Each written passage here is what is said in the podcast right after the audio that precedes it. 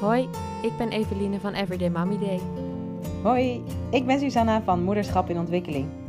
Samen gaan we in gesprek over bewust ouderschap en alles wat wij daarin tegenkomen. Welkom, wat leuk dat je luistert. Deze opname is een beetje anders dan de andere opname tot nu toe. Omdat we een opname maakten live op Instagram. Dus mensen konden direct meekijken met ons gesprek. Je zal dat ook horen aan de kwaliteit van de opname. Die is helaas iets minder goed, maar hopelijk uh, is het toch goed te verstaan. Op mijn blog organiseer ik af en toe een Waldorfweek. Het ging deze keer over de impulsen van de antroposofie die zichtbaar zijn in onze maatschappij. De vrije school is natuurlijk heel bekend, maar er zijn veel meer zogenaamde werkgebieden. In deze podcast ging ik met Suzanne in gesprek over die werkgebieden en in hoeverre die ook in onze levens zichtbaar zijn. Ik wens je heel veel plezier met het luisteren naar dit gesprek. Hallo allemaal, welkom dat jullie er zijn en even meekijken. Suus, hoor jij mij nu? Ja, ik hoor jou heel goed. Dat is fijn. Ik hoop dat de andere mensen ook uh, ons kunnen horen. Zou jij misschien. Nee, misschien is het leuk om eerst eventjes die verschillende um, gebieden te noemen. Ja. Waar de antroposofie werkt. Misschien is het leuk daarmee te beginnen. Goed. Zullen we dat doen? Ja. ja? We begonnen afgelopen maandag, heeft de, heeft de uh, Vrije School Pabo, in onze tijd nog Helicon, Ja. um, heeft verteld over het, uh, ja, de opleiding tot vrije schoolleerkracht. Nou, daar, wij zijn allebei Ja. opgeleid tot vrije schoolleerkracht. Dus misschien kan jij daarover vertellen wat, jou, wat dat stukje is in jouw leven. Nou ja, in mijn eerste getuigschrift eh, van de vierde klas, toen ik dat kreeg als kind, hè, toen werd er verteld dat ik het allerliefste mijn klasgenootjes voorlas als een kleine juffie. dus toen al. Toen al. Ja, dat zat er al heel jong in. Ik ben natuurlijk oudste van drie kinderen. Dus ik heb als kind oneindig veel boeken voorgelezen. Ik ging op mijn twaalfde oppassen. En ik, ja, toen ik uh, 18 was, begon ik eerst met de Eurythmie Academie. En dat heb ik een poosje gedaan. Een jaar en een paar maanden. En toen dat niet, uh, om allerlei redenen niet... Ja, dat ging niet afmaken. Dat werd op een gegeven moment wel duidelijk. Ja. Toen dacht ik, ja, je vak, wat je echt wil doen in je leven, waar je echt je elke dag van je werkende leven mee wil verbinden, dat moet toch iets zijn wat je ook leuk vindt. Want iets wat je leuk vindt, daar ben je ook goed in. Dat was mijn, uh, ja, mijn redenatie om te denken, ja, waar ben ik, wat vind ik leuk, waar ben ik goed in? Ja, dat is met oppassen en met kinderen omgaan. Dat is toch wel wat, wat ik altijd leuk vind, waar ik nooit tegenop zie. En, uh, dus ik dacht, nou, dan, dan moet ik dus juf worden.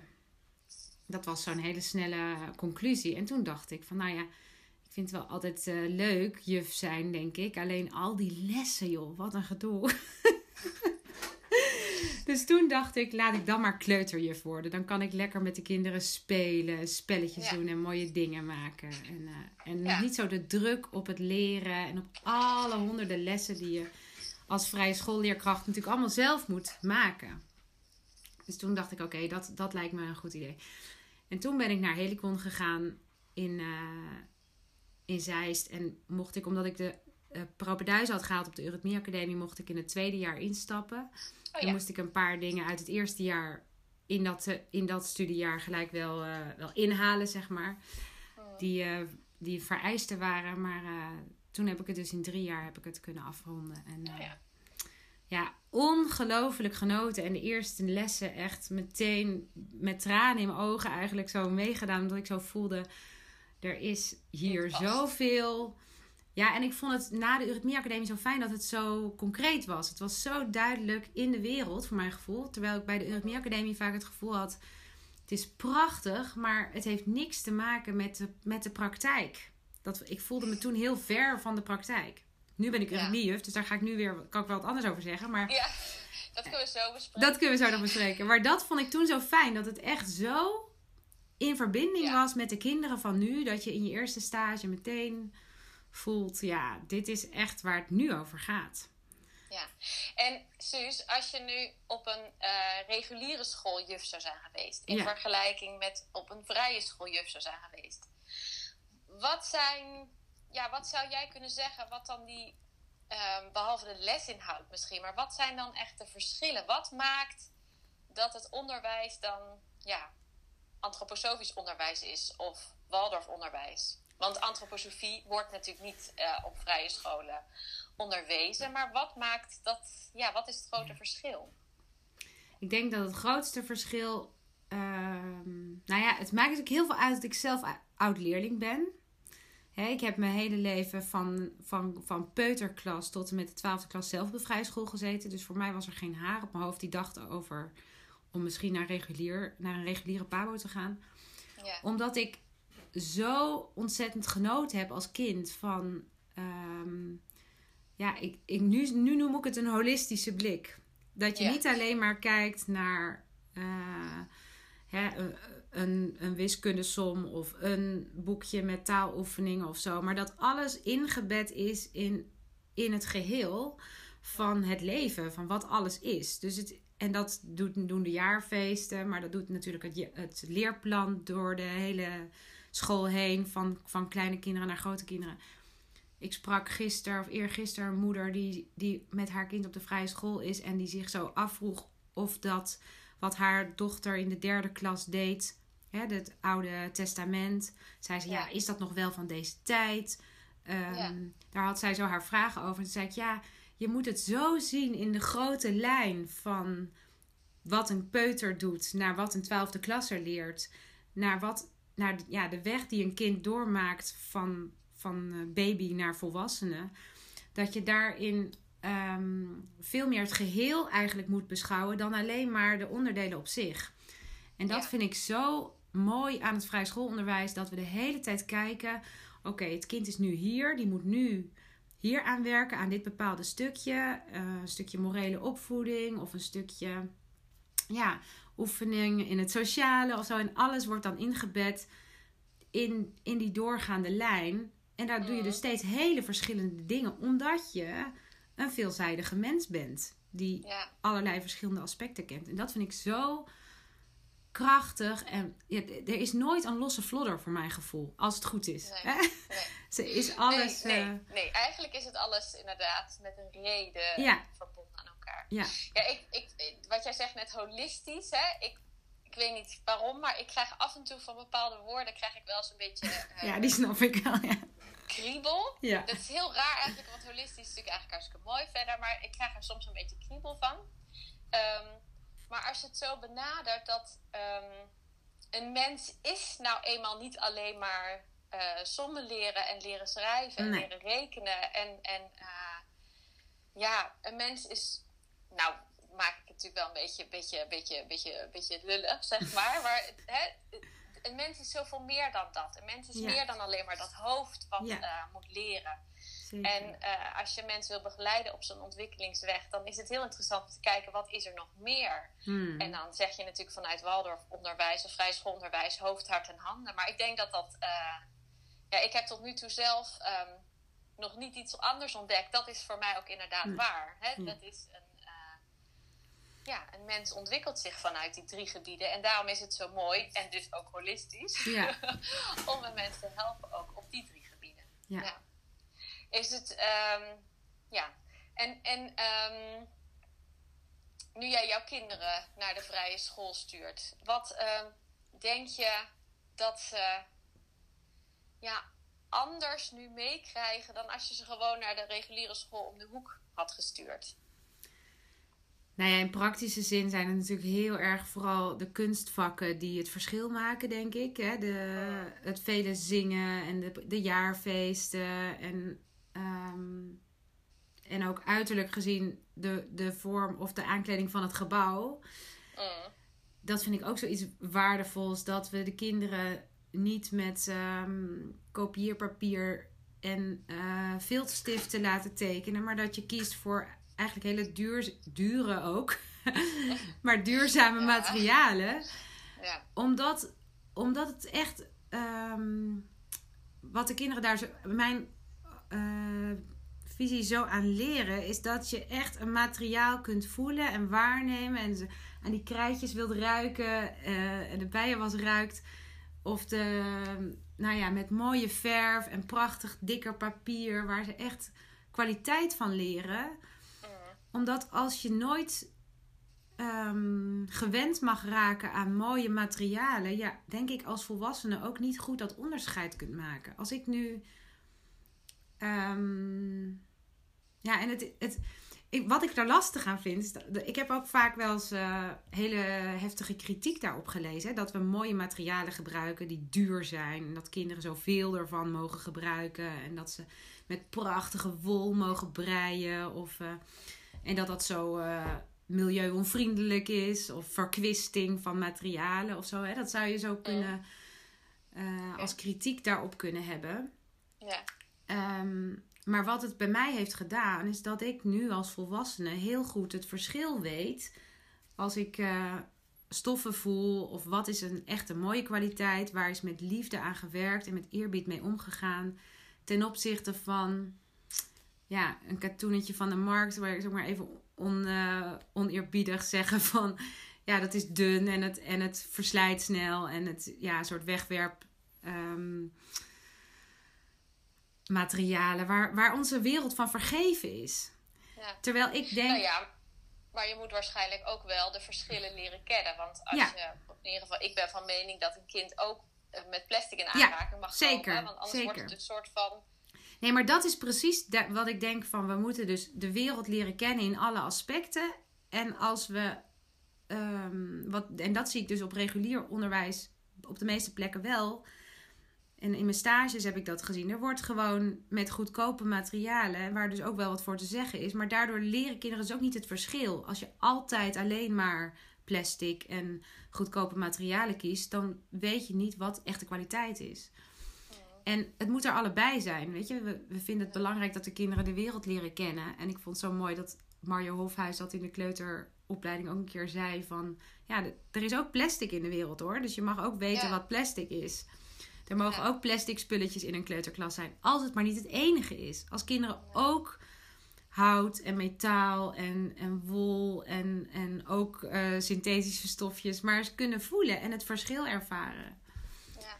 Omdat het... Nou ja, daar zit, daar zit voor mij een soort van, eh, altijd een soort van risicokantje bij, Ja. de, bij de vrije school of antroposofie überhaupt. Is dat het een, ehm, ja, een bepaald hoogstaand iets op een gegeven moment wordt. Ja. Weet je, een soort van perfectie. Dus op een vrije school, daar kunnen alleen maar goede leraren zijn. Of Ja. op ehm, een, een, een antroposofische arts kan alleen maar een perfecte arts zijn. Ja. En de materialen mogen alleen maar perfect zijn. En ik moet de jaarfeesten alleen maar perfect vinden, Ja. want anders doe ik het niet Nee. goed genoeg. Ja. En dat vind ik echt een, echt een gevaar. Ja, dat is het ook echt. Dat is het ook echt. Ja, Omdat je dan ook verstrikt kan raken in, in, in ja, dan wordt het dogmatisch. Ja, Dan zeker. Het de, de, ja, als je zegt je wil dat een kind alle aspecten van, een, van het leven wil leren kennen, ja, dan, ja, dan moet je dus niet zo verkrampt ook Nee. raken in, in perfectie of Nee. een perfect idee. Zeker. Perfectie bestaat Nee, maar dat is natuurlijk precies waar, waarvan ik dan denk van zeker niet. Het is zo belangrijk om, om het allebei te leren kennen, om beide kanten. Maar je kunt het gewoon, je kunt gewoon niet het geheel beoordelen als je maar één kant te zien krijgt. Dus je moet het beide welke kanten. kant het is, je moet gewoon... Ja, je moet het allebei eh, leren kennen. En, en eh, het gevaar is gewoon dat als je denkt, ja, ehm, het is alleen maar een tekening van een kleuter. Ja, hoe belangrijk is dat nou? Eh, het wordt dadelijk weggegooid. Het, hij maakt er twintig per dag. eh. en als je dan dus altijd kiest voor de goedkoopste materialen, dan leert het kind echt maar één kant kennen. En dat vind ik mooi, dat we ervoor kiezen. Nee, op school of hè, en hier thuis tekenen ze ook wel eens gewoon met, eh, met kopieerpapier. Maar ja, dat ze het beide leren kennen. Van, oh ja, dit is echt een andere kwaliteit. Ik ben ervan overtuigd dat als kinderen dat leren, beide kanten, Mhm. dat ze kunnen kiezen voor eh, kwaliteit en met aandacht mooie spullen kunnen verzorgen ook. Want dat is ook wat het oproept. Hè? Van je hebt een mooie, stel je hebt een prachtige taart gebakken. Helemaal zelf gemaakt met kaarsjes erop. En dan ga je natuurlijk zo naar de tafel lopen. Van oh, niet laten vallen. Die mooie taart. Ja, want daar hebben we al onze liefde en aandacht in gestopt. En eigenlijk Mm. moet je ook zo met je tas omgaan. En met je, met je schoenen. Ook al zijn ze tweedehands uit de kringloopwinkel. Weet je, gewoon Ja. op die manier gaan we niet alleen met elkaar, met onze spullen en met de aarde om. Zo moeten we met alles Ja. omgaan. Ja, nou ja, dat is wat je zegt met de aarde. Dus met aandacht. Ja. eh, hè, met aandacht, met liefde voor ook leren kijken naar de ander, naar de Ja. wereld, naar de aarde. Ja. ja, dat vind ik wel mooi. Maar je had nog We- twintig onderwerpen. Ja, ik wilde eigenlijk nog heel veel. maar ik- waar ik ook meteen aan moest denken toen je net zo vertelde hè, over dat aandacht en zo. Wat, ook, wat ik ook altijd een spannend onderwerp vind van, eh, van, van, van ja, ons werk of de antroposofie of de vrije school, is de ernst. Ja. Er zit heel veel ernst in. Het is heel vaak heel serieus, voelt het soms aan. Ehm, omdat het allemaal dus een bepaalde vorm van, of mensen een bepaalde behoefte hebben naar een bepaalde vorm van perfectie. ja. Ehm, en dat vind ik altijd zo twee kanten hebben. Hè? Want ik vind eh, de ernst van een ouder of een juf die naar de tekening van, eh, van een kind kijkt. Hè? Dus dan is het geen floddertje met een paar krassen. Nee. Maar de ernst waarmee je ook ziet hoe hard dat kind daaraan gewerkt heeft. En dat ook eh, benoemen. Hè? Niet in per se mooi en lelijk, maar meer van er wordt echt hard, er is echt hard gewerkt Ja. aan dit, deze tekening. Daar is een bepaalde ernst echt heel erg op zijn plek, vind Ja. ik. Hè? Dat je kinderen heel erg serieus neemt. Zeker. Maar aan de, maar aan de andere kant moet er natuurlijk ook ehm, genoeg luchtigheid zijn. Ja. En eh, gekkigheid. Hè? En, en, en de, de, de antroposofie of de vrije school heeft soms een beetje de, ehm, de neiging soms... Ja, of in ieder geval zo ervaar ik het. Ik weet niet hoe, eh, hoe dat voor jou is. Maar dat het af en toe heel serieus, eh, serieus is. Ja. Hè, als je zingt met kinderen, dan wil je vaak dat het goed is. Of hè, er, er zit een Mhm. bepaalde serieusheid aan. Ja. En soms is die licht, luchtigheid. Dat is ook zo fijn, hè? Ja. en, en, en dus ook dat je gewoon ook luchtig kan omgaan met als dingen dus niet zo helemaal perfect gaan. In, ook in je Mm. ouderschap met kinderen. Hè? Ja. ehm, jij ook als eh, schrijfster en Ja. coach voor, voor ouders. En eh, ik die dat ook af en toe probeer te doen. Ehm, ja, eh, het is zo goed om, om te delen dat we allemaal ehm, ook maar wat proberen Ja. en ons best doen en daar ook over kunnen lachen. Zeker. Zo, dus een bepaalde luchtigheid daarin Ja. hebben. Ja, zo. Snap je wat ik bedoel? Ja, heel, heel erg. Het is ontzettend belangrijk. En ik denk ook dat we een zekere zelfspot af en toe moeten bedrijven in, eh, in wat we doen. En eh, ja, ik bedoel, dat vind ik ook mooi. Hè? Dat is, het is iets wat op de Helicon ook werd geleerd. Als je aan het eind van je eerste jaar, als je als trillend, beginnend leerkracht zo eh, aan het proberen bent om je klas zo goed mogelijk te begeleiden, werd zo mooi gezegd van als je dan aan het eind van het jaar niet denkt: ik heb alles verkeerd gedaan. Oh, ik wil opnieuw beginnen. Als je dat niet denkt, heb je het verkeerd gedaan. Je moet aan het eind van, of ja, of aan het eind of halverwege of wanneer ook, het gevoel hebben: shit, ik eh, snap er niks van. Weet je, ik moet het allemaal Ja. overnieuw doen. Want dat is ook, en, en dat mag zeker ook met, een, met humor en een kwinkslag, denk ik. Want anders dan is het ook niet vol te houden. Maar we moeten gewoon er- erkennen en onderkennen dat we, dat we zelf de hele tijd aan het oefenen zijn. Dat we nog niet alles begrijpen en dat we het lastig vinden en dat we fouten maken en ook op onze schreden terug willen keren soms. En, eh, Maar ja, is dat niet ook de kern van antroposofie? ja, dat denk ik wel. Omdat dat het is gewoon. toch eigenlijk altijd, dat is geen vaststaand feit. Nee, en dat is ook wat we voor moeten doen aan de kinderen. Hè? Dat, je, dat je, ik moest lachen. eh, een keertje een, een collega die zei tegen de klas: Eerst wagen, dan vragen. Ja. Zo van die kinderen die de hele tijd juffie, juffie, juffie. Ja. Maar dat je, ja, dat je gewoon eens moet gaan proberen en kijken wat er gebeurt. En ga maar water trappen voordat je kunt zwemmen. Want ja, je moet het, je moet het uitproberen en zelf zien wat er gebeurt. Ja.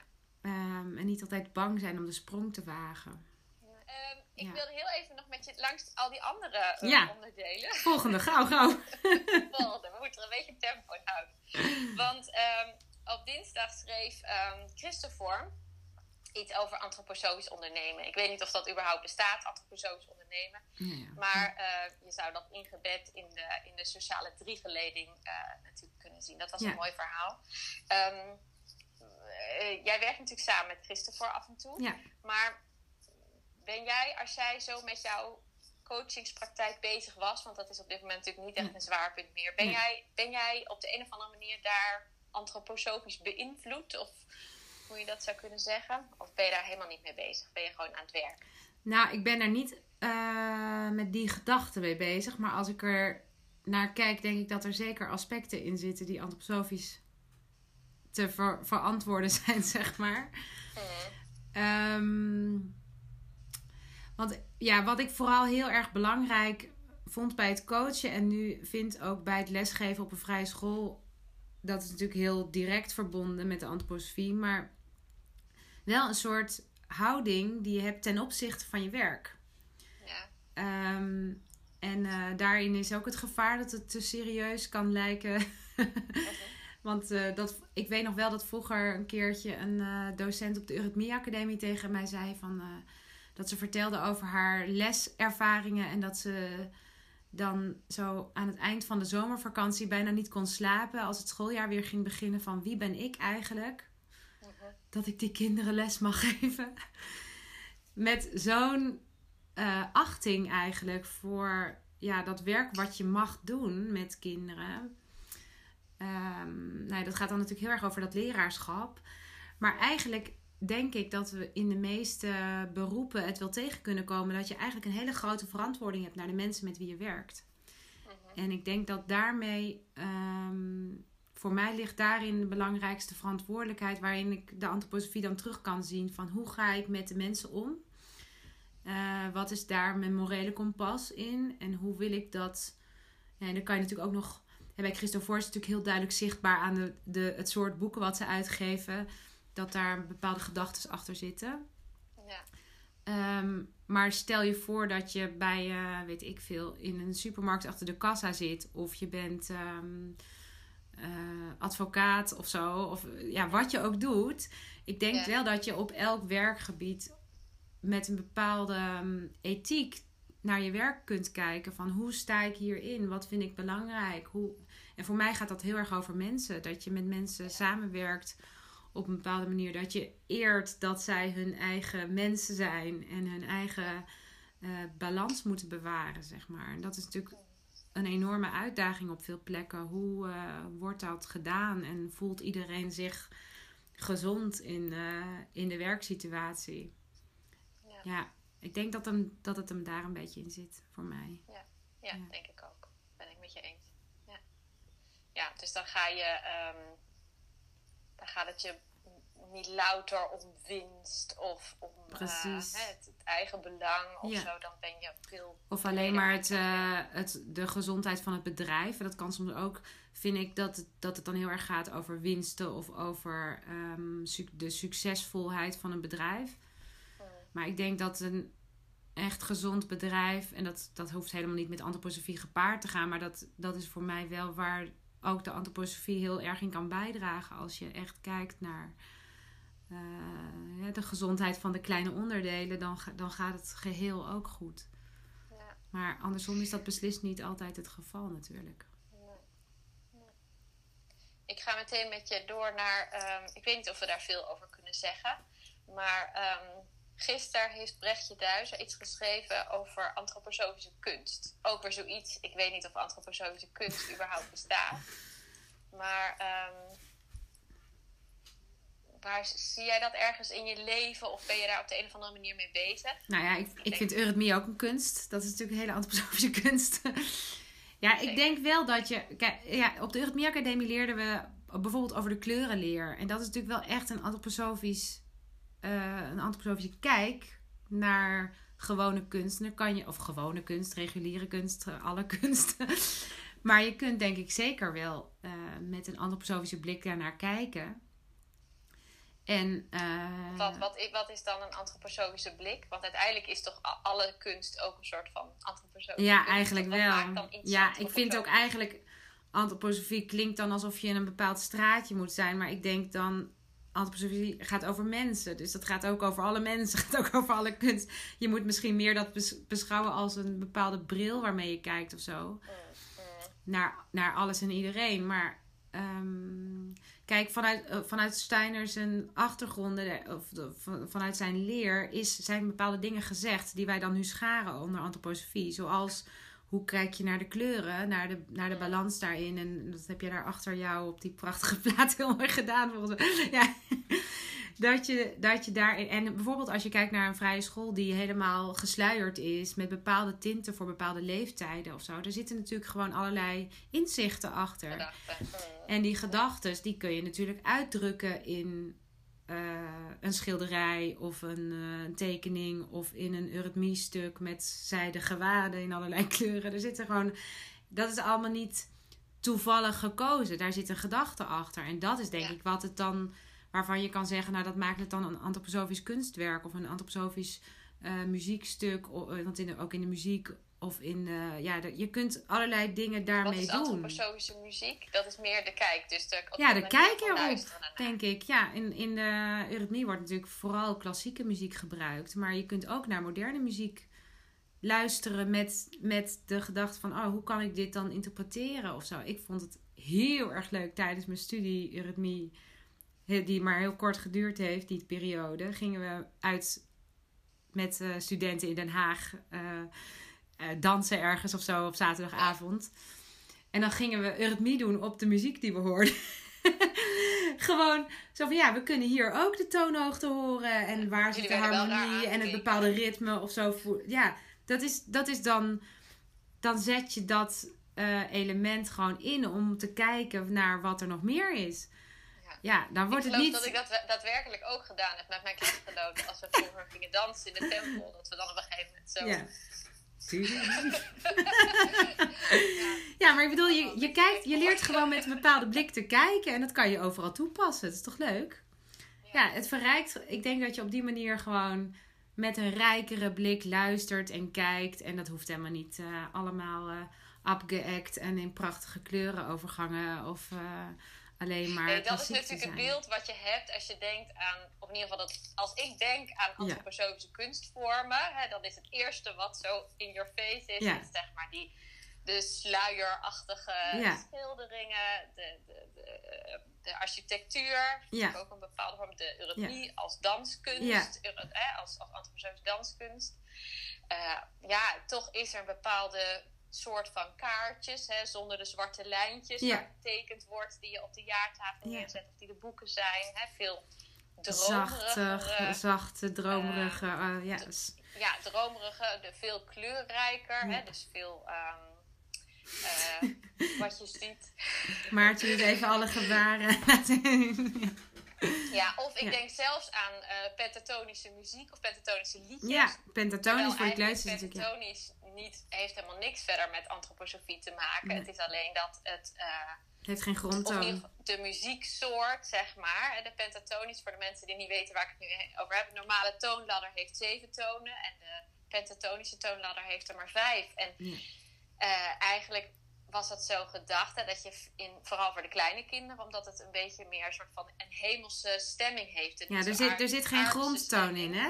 Dat je voor de kleine kinderen uh, veel pentatonische liedjes zingt, dat dat beter past bij zeg maar, de levensfase van het uh, kleine kind. Ja.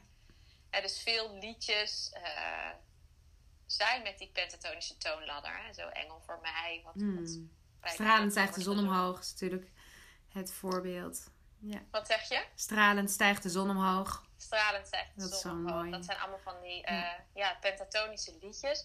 En die, hebben, hè, die eindigen dus niet op zo'n grondtoon, zo lekker. Uh, nee, komt niet thuis. Stevig, maar die eindigen een beetje een soort van ja. zweverig. Nou ja, daardoor is het een soort van vorm van antroposofische muziek geworden. Terwijl het in oorsprong natuurlijk eigenlijk ook niet per se was. Nee. Maar dat zijn, dat zijn zo de, ja, de hele duidelijke dingen. Terwijl ik denk natuurlijk dat in, in principe ook de antroposofie, wat jij zegt. Uh, uh, in alles te vinden is. Dat is niet, uh, dat is niet dat dan. Het is niet hè, alleen voor antroposofen. Het is vastgelegd in zo moet het dan zijn, want dan is het antroposofie. Ja. Toch? Zeker. Ja. Vandaag um, gaat Antroposana iets vertellen over antroposofische gezondheidszorg. Mooi. Ben jij bij een uh, antroposofische arts? Uh, nee, ik ben momenteel niet bij een antroposofische arts. we zijn wel net aan het overstappen van huisarts, maar er is hier in, uh, in Zutphen een hele mooie nieuwe huisartsenpraktijk. Dr. Bloem heet dat. Mhm. Die uh, wel heel holistisch kijkt en die ook meer wil kijken naar gezondheid dan naar ziekte. Zo van hoe blijf je gezond en hoe zorg je dat je fit en, en vrolijk kunt zijn. Dus meer met voeding en veel meer vanuit dat oogpunt dan vanuit de medicijnen. Dat vind ik heel erg belangrijk. We zijn wel eerder uh, bij een antroposofische arts geweest, maar in Amsterdam was het vrij ver van ons huis ook. Uh, hier waren alle huisartsenpraktijken eerst gewoon vol, dus daar heb je natuurlijk ook mee te maken.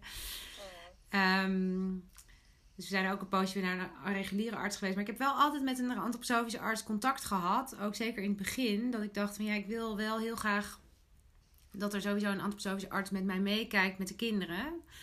Ja. Omdat ik dan, uh, ja, nou ja, we, we zijn samen, hebben natuurlijk ook al wat lezingen van Edmond Schorel mogen meemaken. En dan denk ik, ja, dat, dat is zo'n waardevolle blik om die totaal anders kijkt naar de ontwikkeling van een kind, die alles in een heel ander perspectief kan plaatsen. Um, ja, dat, dat is gewoon super waardevol. Dus ik, heb, ik ken gelukkig een paar antroposofische artsen waar ik zeker uh, contact mee opneem als ik bepaalde vragen heb.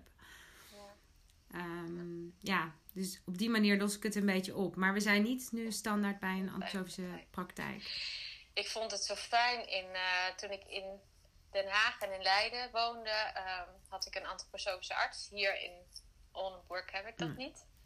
Helaas is het niet. Um, wat ik zo fijn vond als volwassene, want in die tijd had ik nog geen kinderen. Het is natuurlijk de antroposofische gezondheidszorg of een antroposofische arts is natuurlijk een gewone, normale, reguliere arts die een soort van plusopleiding heeft gehad mm. om met een antroposofische blik ook nog te kijken en ook ja, dus heeft een, een eigenlijk, ja, zou ik zeggen, vond ik een fijne, ruimere blik. Dus op het moment dat ik een probleem had, waarvoor ik dus bij die arts zat, ja. dan werd mij ten eerste had ik een heel gelijkwaardig gesprek. Dus natuurlijk weet ik dat die arts uh, in zijn vakgebied veel meer weet dan ik, maar hij nam me altijd mee in zijn overwegingen. Ja, en dan zei hij: We kunnen dit doen, ja. we kunnen ook dat doen. Ja. En daarin zat gewoon de reguliere zorg, zeg maar, ook in verbonden. En dat vond ik altijd zo fijn, dat ten eerste werd ik betrokken ja. bij, uh, bij mijn eigen gezondheid, want het gaat er voor mij. Um, en ten tweede had ik de keus. Dus als ik uh, op een gegeven moment uh, een, een, paardenmiddel nodig heb om een, uh, een kalknagel die ik toen had weg te willen krijgen, ja, dat krijg je niet weg, gebeurt het niet. Op een gegeven moment, dat moet gewoon weg. en dat was altijd zo, vond ik zo heel erg fijn. Ik voelde me zo ontzettend serieus genomen. Ja. Hebben we het toch weer over serieus, ja. serieus genomen. Um, je wordt echt en gezien. Ook behandeld. Ja. Dus en dat vind ik heel erg fijn. Dat mis ik hier met ook de hmm. zorg die ik nu voor onze kinderen. Uh, we zitten hier gewoon bij een, een, een gewone huiskinderarts. Ja. En uh, ook al is het een hele fijne arts en met een fijne kennis, maar wat ik heel erg mis, ook moet ik daarbij zeggen dat dat waarschijnlijk ook een beetje Duitsland is, waar mm. die hiërarchie soms nog wat meer eh, aanwezig is. Is dat een arts is echt een meneer met een witte jas, met de kennis. En jij zegt ja en amen. Ja. Dit is wat we gaan doen. Ja. En dat voelt soms niet zo fijn. Want dan denk ik, ja, ik ben de moeder van deze jongens. En natuurlijk weet ik op uh, gezondheidsgebied niet alles. Maar ik wil zo graag meegenomen worden. Dus... Uh, als een, een goede arts, hè, want ook niet alle antroposofische artsen zijn goed, of een goede antroposofische tandarts, want die bestaan geloof ik ook. Ja. Of als je op een gegeven moment uh, in een ziekenhuis komt, hier in Duitsland is zelfs een antroposofisch ziekenhuis. Uh, als er op die manier dan naar je gekeken wordt, of met je samen gekeken wordt, dat vind ik wel een uh, ongelofelijke meerwaarde. Ja. Als je Zeker. plus van beide hebt. Ja. Hè? Maar dat is precies, denk ik, het belangrijkste verschil wat ik uh, heb ervaren. En nu gelukkig hier ook weer met deze niet-antroposofische arts. Maar dat je als mens serieus wordt genomen en je wordt echt gezien. Mm. En je hebt een keuze. En dat is soms ook moeilijk. Hè? Dat vind ik daar fijn aan. Ja, ja. Dat, dat je het realistische beeld krijgt van... Uh, in zorg moeten altijd keuzes worden gemaakt. En het, elke keuze heeft voor- en nadelen. En daar heb je zelf de verantwoording voor. Want dat is helaas ook in Nederland zeker bijvoorbeeld met geboortezorg, dat is ook echt een enorm onderwerp natuurlijk. Maar er gaan zoveel dingen mis omdat mensen geloven dat ze niets te, te kiezen hebben. Nee, nee. En nee, eh, dat je dat je, overweldigd door de je bent overweldigd, precies. En, eh, en daar wordt dan eh, ja, mee omgegaan als inderdaad, ja, ik geef mijn lot in handen van deze arts en ik heb zelf geen idee. Nou is dat Ja. natuurlijk sowieso, ik denk ook voor artsen nu lastig hoor, in deze tijd waarin iedereen alles kan googlen. Oh, verschrikkelijk. Dat, eh, maar ja, ik moet zeggen dat ik ook een keer bij een, bij een arts heb gezeten in het ziekenhuis voor een, hè, dus in een regulier pad, zeg maar, die het even ging googelen en, en toen Ja. mij vertelde wat ik had. Dat ik dacht, ja, hallo, zit ik daarvoor voor een, bij een arts? Dat kan ik zelf ook nog wel. Ja, Hoewel, dus, hoe zou je als arts alles altijd maar moeten weten? nou Dus ja, dat is natuurlijk ook de vraag. Maar ik vind da daarin voel ik dan wel. Ja, dat was dan ook gewoon iemand die ik maar heel kort zag voor iets wat niet heel ernstig was. Maar dat ik wel dacht van ja, ik voel me vertrouwder bij iemand die zegt, nou, je, hebt, je kunt dit doen, je kunt dat doen. Eh, hè, waar je van voelt van, ah, die kan mij serieus nemen. En geeft daarmee ook een soort onzekerheid. Waarin ik dus voel van, oh ja, hij neemt mij ook serieus als zelfdenkend mens en hoeft niet alles voor mij te beslissen. Ja. Dat geeft Nou, waar ik dan aan moet denken is ehm, eh, die onzekerheid. Wat vaak in die keuzemogelijkheden zit, is dat op het moment dat ik een huidprobleem heb, Ja, dan ehm, kan ik natuurlijk daar een, een, een crème op smeren die meteen dat probleem aanpakt. ja, en zorgt dat ik dat huidprobleem niet heb. Ja. Maar het kan natuurlijk ook zijn dat je je afvraagt: waardoor heb ik dat Precies. huidprobleem? Heb ik deze problemen? En nou ja, ze zeggen toch wel eens: de huid is ook de spiegel van de ziel. In ieder geval, je ziet op je huid ook. Dus misschien is er dus meer werk te doen dan alleen dat medicijn gebruiken. Ja. En ik geloof dat dat ook, eh, voor mij hoort dat ook bij antroposofische gezondheidszorg, is dat Mm. er ook, ja, dan heb je dus weer dat holistische verhaal Ja. gekeken wordt naar dus de mens meer dan alleen het oplossen van de ziekte of het oplossen van het probleem, maar te kijken veel dieper. ehm, of nee, daar zeg ik het verkeerd, de behandeling van de symptomen, Ja, maar dat je dus ook verder kijkt naar eh, waardoor ontstaat het eigenlijk. En als een arts dan niet jou afwerkt als een nummertje van volgende, volgende, volgende, precies. maar met jou echt samen gaat kijken Ja. van waardoor heb jij dit probleem Ja, en hoe kunnen we dit aanpakken? Precies. En dan je een keuzevrijheid geeft. Dat Ja. eh, vind ik heel waardevol. Zeker. Dus dat over antroposofische zorg. Ja. Of wilde je nog wat daarover zeggen? nee, dat is mooi. Goeie afsluiting. Ehm, ik ga door naar vrijdag, want aanstaande vrijdag gaat Bronlaak iets vertellen. Ik weet niet of je Bronlaak kent, maar Nou. eh, dat is een, eh, een ehm, woon- en werkgemeenschap voor eh, mensen met een beperking. Dus daar eh, wordt gewerkt en gewoond door mensen. En, eh, hoe- heb jij ervaring met het werken met mensen met een handicap of met een beperking? Alleen in mijn vrije stage die we op Helicon mochten doen. Toen ben ik ehm, Oh. gaan werken bij, ehm, nou kan ik er nu niet op de naam komen, een zorgboerderij in Driebergen. Oh ja. Het is stom dat het even, de naam is me even, ben ik even kwijt. Ik kom misschien straks. Ja. Maar ehm, ja, daar heb ik ongelooflijk met heel veel plezier gewerkt met eh, gehandicapte mensen. Of mensen met een beperking moet je zeggen. hè.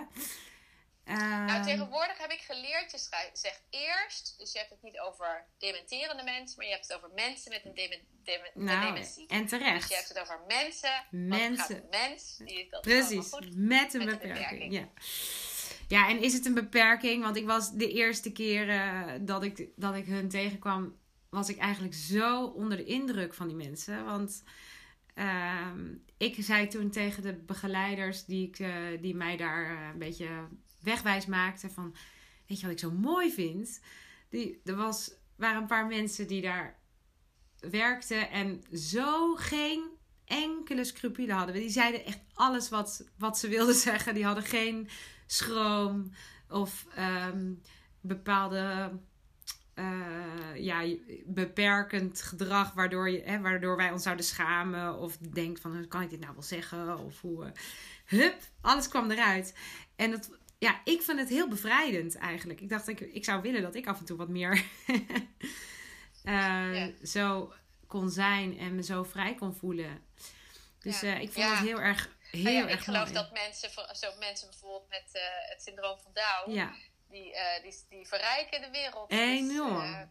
Dus, dus enorm. met zoveel liefde en zoveel Ja. blijdschap als dat soort mensen de wereld inbrengen. Ja. Dat is, is jammer dat, dat we dat nu zo vroegtijdig... Nee, dat is, het is Ja. een moeilijk thema. Ja, het is een moeilijk is, thema. Heel is het moeilijk. jammer dat we dat in de zwangerschap willen Ja, opsporen. en zeker. Dat, dat we niet willen. Want ik Ja. geloof dat het ongelooflijk Die zonde mensen zijn is heel belangrijk. die lichtheid, die liefde, die vrolijkheid... eh, ik werkte eh, op school. Heb jij dat niet op school ook gehad? In de 11e klas? Een eh, socia- sociale stage? Ja. Ja. Want mijn sociale stage op school deed ik bij Huizen Thomas, Oh, ja. Huizen Thomas in Schiedam.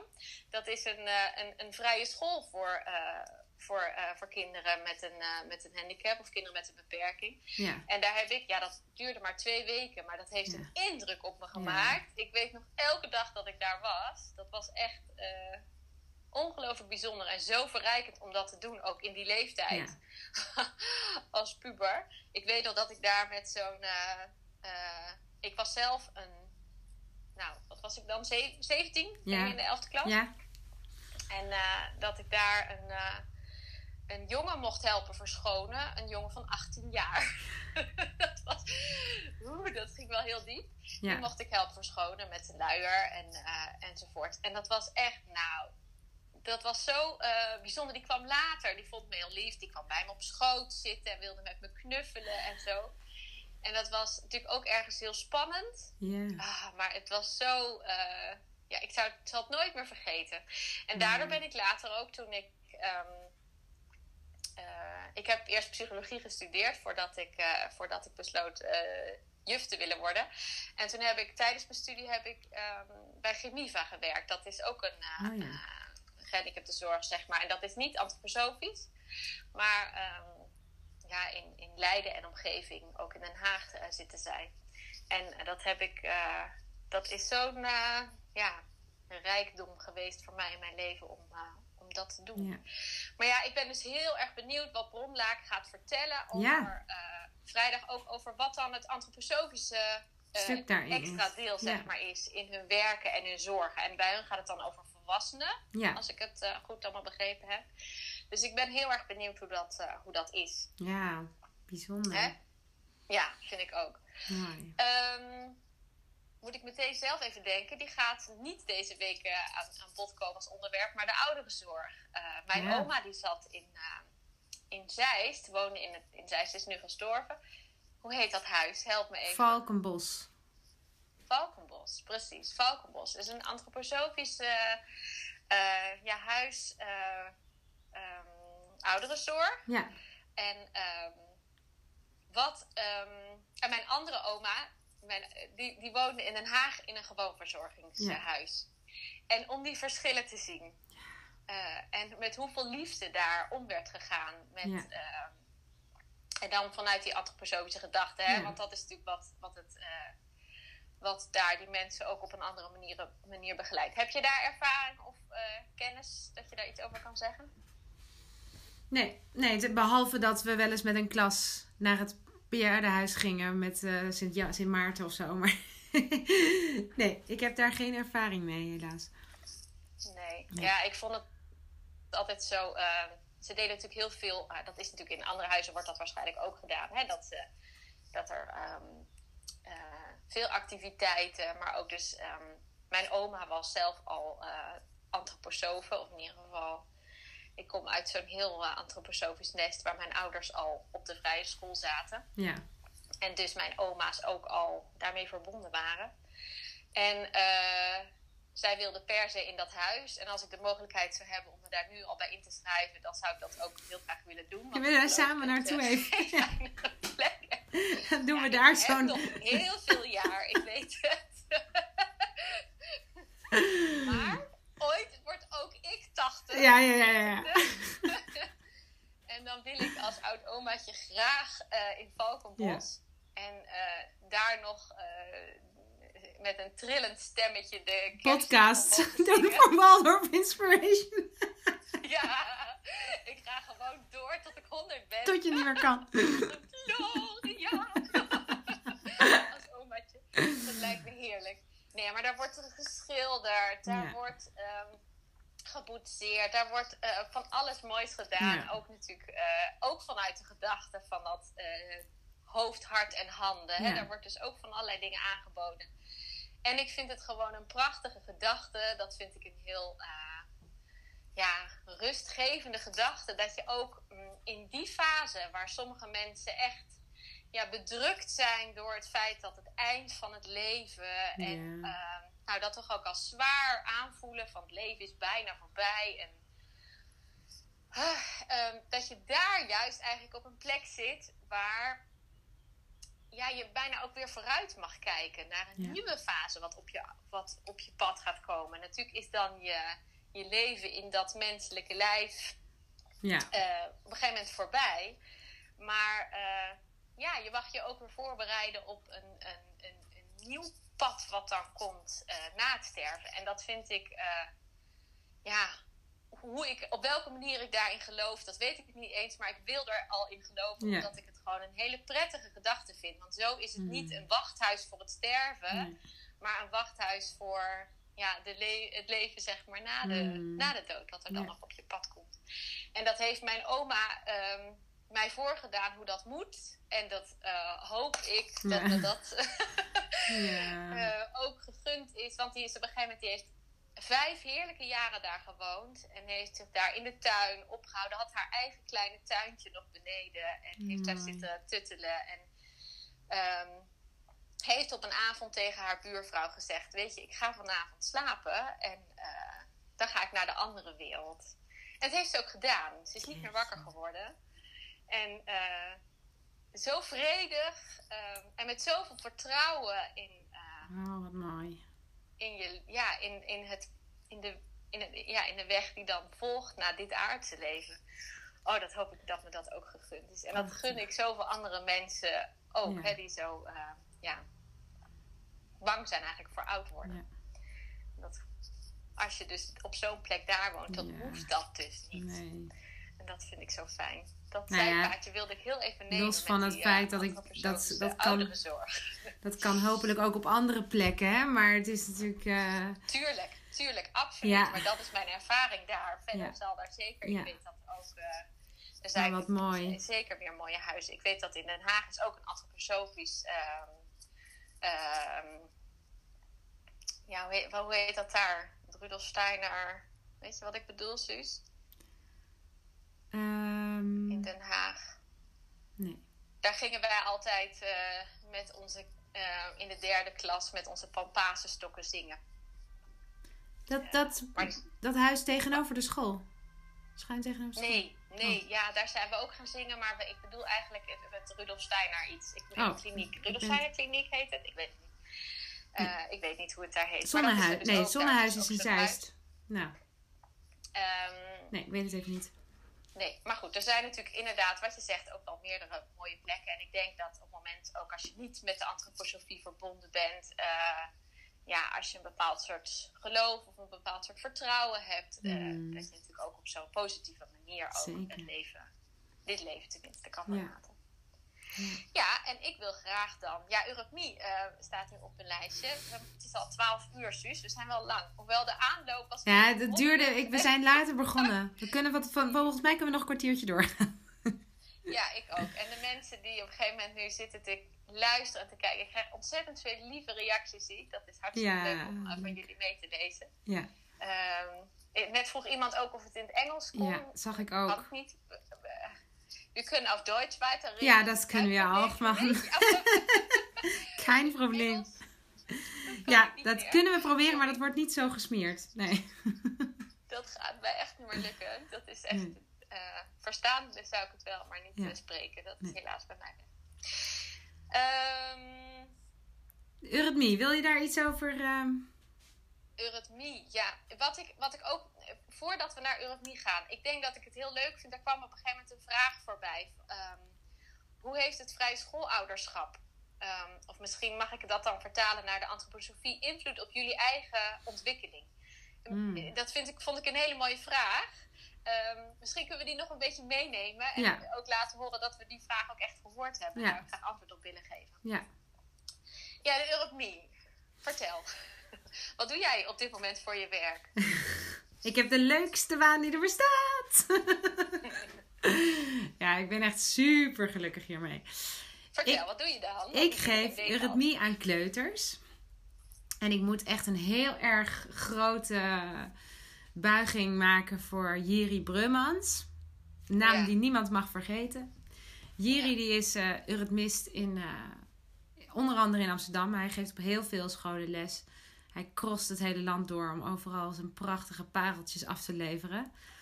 Ehm, en hij heeft een, eh, een prachtige eh, serie lessen ontworpen Mhm. voor eh, kleuters. Daar is hij al twintig jaar mee bezig. En hij geeft hele mooie lessen die een verhaal, ja, echt een, een, een mooi sprookje zijn. En die sprookjes die komen dan in, met liedjes en het verhaal in één, eh, een half uurtje les worden ze tot uitdrukking gebracht. En dat is, heeft hij zo knap gedaan. Ja. Ik heb dat als juf mogen meemaken eh, toen ik de kleuters had in Amsterdam. En daarna ben ik eh, eh, mijn hele tijd het onderwijs geweest. En nu kwam ik hier in Zutphen op school n- na deze vorige zomervakantie. En toen kwam op een gegeven moment bericht. Helaas, helaas kunnen de kleuters geen eurythmie hebben. Want de eurythmiste is vertrokken. En we hebben niemand kunnen vinden die dat kan overnemen. En toen dacht ik met mijn één jaar eurythmiestudie in mijn zak. En eh, het diploma voor vrijschool kleuterjuf. Misschien moet ik dat maar gaan doen. en het was een beetje een grapje. Want ik had nog Iduna thuis. Ik was helemaal niet van plan om te gaan werken. Maar ik zei het een beetje als geintje tegen de, de pianiste die de eurythmieschoenen regelt bij ons op school. En ik, dus toen zei ik van, eh, nou, wie weet. En toen zei ze, kan jij dat dan? Ik zei, nou, dat ga ik helemaal niet doen, joh. Dat is een beetje geintje. Maar... eh. En toen kwam smiddags de directeur naar me toe. En die zei, wat hoor ik? Kan jij eurythmie geven? Nou hebben we. Eh, wacht even. Ik zeg, nou ja, dat kan niet, want opvang voor Iduna. En dan moet ik, ik ga, ik ga het sowieso alleen maar doen als ik Jiri zijn materiaal mag gebruiken. Maar het is natuurlijk van hem, moet ik dat vragen. Eh, dan moet er een, een pianist of een, een muzikant zijn met wie ik kan oefenen. Nou, bla bla bla. Ze zegt, nou, kijk gewoon even of je het kan regelen. En eh, dan horen we heel graag, want we zoeken echt iemand. Dus toen ging ik even Jiri bellen en een oppas regelen. En toen was het eigenlijk allemaal binnen een uur geregeld. Toen dacht ik, oké. Jiri zei, gebruik het, hè?" gebruik het. Ga het maar doen, zei hij. Jij kan dat wel. Dus eh, nou, toen ben ik het gaan doen. En, en het was zo leuk. En de juffen waren zo blij. Dat ik dacht, nou, ik ga kijken of ik het ook nog op een andere school kan doen. Want nou heb ik die les toch op zak. Ja. Dus toen ben ik naar de andere school in Zutphen ben ik gaan bellen. En ik ben nog naar meer scholen gaan bellen. En nu werk ik op vier scholen. In Arnhem twee scholen en twee in Zutphen. En eh, ja, ik werk maar anderhalf uur per dag. Drie kleuterklassen, drie keer een half uur. Elke vier tot zes weken ongeveer komt er een nieuw verhaal. Dat Ja. studeer ik online via Skype in met Jiri. En dan Ja. krijg ik van hem de muziek. En dan gaan we het allemaal instuderen. En dan eh, ga ik weer een nieuw verhaal doen. En elke les weer, Evelien, Evelien echt elke les. Ga ik met zo'n smile de les uit. Zegt de juffie, dankjewel, het was weer zo mooi. en al die kinderen. Ja joh, het is echt een, een- zo'n cadeau. En het praktisch is het natuurlijk ideaal dat ik maar een half uur per klas bezig ben. Drie kleuterklassen in anderhalf uur. En daarna kan ik mijn boodschappen gaan doen. En eh, gewoon mijn huishouden en mijn kinderen op tijd ophalen en zo. Dus Ja. alles bij elkaar dat gewoon super, super perfect nu. Ja. Maar vooral dat die eurythmie echt zo genieten is. Echt heerlijk. Ja. Maar heel veel mensen die niet dat op zo'n manier hebben meegemaakt, of ehm, zoals ik zelf als juf in de klas heb mogen zien hoe leuk de kinderen eurythmie vinden en hoe fijn ze het vinden. Er zijn echt heel veel mensen die echt geen idee hebben wat eurythmie nou precies Nee. is. En ook ehm, daar eigenlijk niet zo heel veel mee moeten. Nee, Nou, voert het veel te lang om daar hier uitgebreid nu over te vertellen. Daar kunnen we vast nog wel een keer apart eh, over spreken. ja. Maar misschien kan je zo in een paar kernwoorden vertellen van ehm, eh, wat maakt dan voor vooral die kleuters, of zou jij tegen die paar moeders en vaders die met een groot vraagteken boven Ja. hun hoofd staan. Even, Eh, ja. Nou, eurythmie? Ja. eh, ja, is een bewegingskunst en werkt vooral met taal enerzijds en muziek anderzijds. Ja. Suus, stop. Ik onderbreek je. Wat, wat is er zo leuk aan? Dus wat Oh, wat is er leuk aan? Wat maakt... Nou ja, leuk. Eh, dat klinkt Ja. weer zo plattig. Maar wat maakt het dat het eh, zo'n succes is? En waarom is het zo zonde als een eurythmieles niet doorgaat? Ja, dat is wel een hele grote vraag. Ik, wat, het, Sorry. wat het zo waardevol... Nou, waardevol denk ik is voor mij een beter woord dan leuk. Het is ook leuk. Maar ehm, Dank je. Het heeft voor mij te maken met dat je als geheel... Ja, daar heb je het weer. Holistisch mens.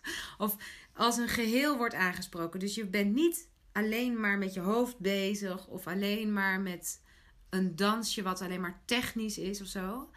Je bent met je hele verbeeldingskracht en je, je luisterend oor in alle opzichten, muzikaal en, en taaltechnisch of taalinhoudelijk, eh, ben je helemaal betrokken bij je beweging. Dus je, je kunt een prachtige, dat vind ik heel mooi. Ik heb ooit aan een, was een oude vrouw van 90 die vroeg aan mij: wat is eurythmie? Toen zei ik: Nou, eh, als u aan eh, buitenland of buitenaardse wezens uit moet leggen met een gebaar wat de klank A is, wat zou u dan doen? En die mevrouw, die, de, die deed haar handen, de armen in de lucht. Zei, dat is een A. Ik zeg, nou, dat is eurythmie. U heeft het begrepen. Het heeft niets te maken met antroposofisch, vrijschool, ja of nee. Het zit in elke mens. Dit is het A-gebaar. Dat kan je ook zo of zo doen. Eh, en zo is er voor elke letter een gebaar. Er zijn gebaren voor eh, harmonieën en klanken. Je kunt een toonladder laten zien met gebaren. Je kunt eh, een emotie laten zien met een gebaar. Het gebaar voor verdriet. Dan ga je het zo helemaal hangen met je armen naar beneden. Of blijdschap. Nou, je kunt alles laten zien. En het is niet... eh, je hoeft het niet uit te leggen. Want iedereen die het ziet, snapt het gewoon. Omdat het universeel is. Ja. En Nou ben ik met een man samen die überhaupt niks... Hè, die heeft, nee. gaat helemaal met mij mee in, Ja. mijn, in mijn vrije school enzovoort. Ja, Maar die heeft ook wel heel veel vragen en heel veel kritische vragen. Dat is voor mij Ja. heel erg leuk, want daardoor moet ik elke keer opnieuw scherper. ehm, overwegen. eh, hè, dus dat je niet zegt iets is goed omdat het altijd al goed was, dus zal het nu ook wel goed zijn. Maar dan moet je opnieuw overwegen en kunnen proberen toch ook in woorden uit te leggen waarom iets ja, zo is of zo. We zagen een Ja. filmpje van eh, Michaela Glückler, hè, de, Ja. de eh, Duitse kinderarts. Die had een lezing gegeven en die deed met de, met, met de mensen die in de zaal waren een oefening. En mijn man die zei van, nou die zijn is niet goed wijs. wat doet ze daar? Ja. kan je het toch niet serieus nemen? En toen zei ik, nou, weet je wat ze doet? ze maakt eigenlijk een, een innerlijke beweging van ja en nee. Omdat heel vaak in het leven heb je dus de keuzes van ja of Ja. nee. Stap ik naar voren, ga ik dit doen? Of Ja. stap ik achteruit en ga ik het niet doen? Ja. Ga ik een live maken met Susanna? of doe ik het liever niet en hou ik het op veilig? ja. Nou, zo. Hè? Dus Ja. eigenlijk wat in de antroposofie en wat eh, terugkomend op de vraag van Chloe over vrij schoolouderschap in Ja. alles eigenlijk verweven zit. Het ritme, het in- en uitademen, het sympathie, antipathie. ja. Ehm, en hoe, hoe zou je dat in de eurythmie uitbeelden? Hoe laat je dat zien? En misschien wat jij zegt, hoe zou je dat als mens uitbeelden? Ja, die zag je me net ook al. Ik ga naar jullie toe, zeg maar. ja. En nee, ik keer Ja. me af. Dat is, dat is een, een, ja, dat is gewoon een gevoelsbeweging, zeg maar. Mm. Dat is niet eens, dat is niet bedacht. Dat is, ja, zo is het gewoon. Ja. Kan ik dat zo zeggen? ja. En dat is precies de eurythmiebeweging voor ja, je neemt de stap naar voren. ja. En nee, je neemt de stap naar achter. Ja. En toen zei dus mijn man lief, toen ik dat hem zo vroeg en hem dat ook zo liet doen, van oh ja, oh ja, oh ja. Ja. Nou oké, oké, oké. Precies. Dat snapt hij ook. dan ik dacht. Ja. Ja. Dus ehm, ik denk dat het ook een kwestie van uitleggen is. En ik, ik, Ja. ja. ik zou dat zo graag willen. Hè, dat we dingen beter kunnen... Eurythmie is daar een goed voorbeeld van. Is dat... ehm, ja, het is vaak als een soort van ehm, toch als een soort van geheime kennis of iets dergelijks Mm. wordt het soms eh, gebracht. Of op zo'n manier beschreven dingen dat je denkt van ja, hier kan ik niks mee, ik snap je niks van. Ja. Ik zou het zo gaaf vinden als we al zulke soort dingen kunnen uitleggen op een Ja. manier die iedereen begrijpt. Ja.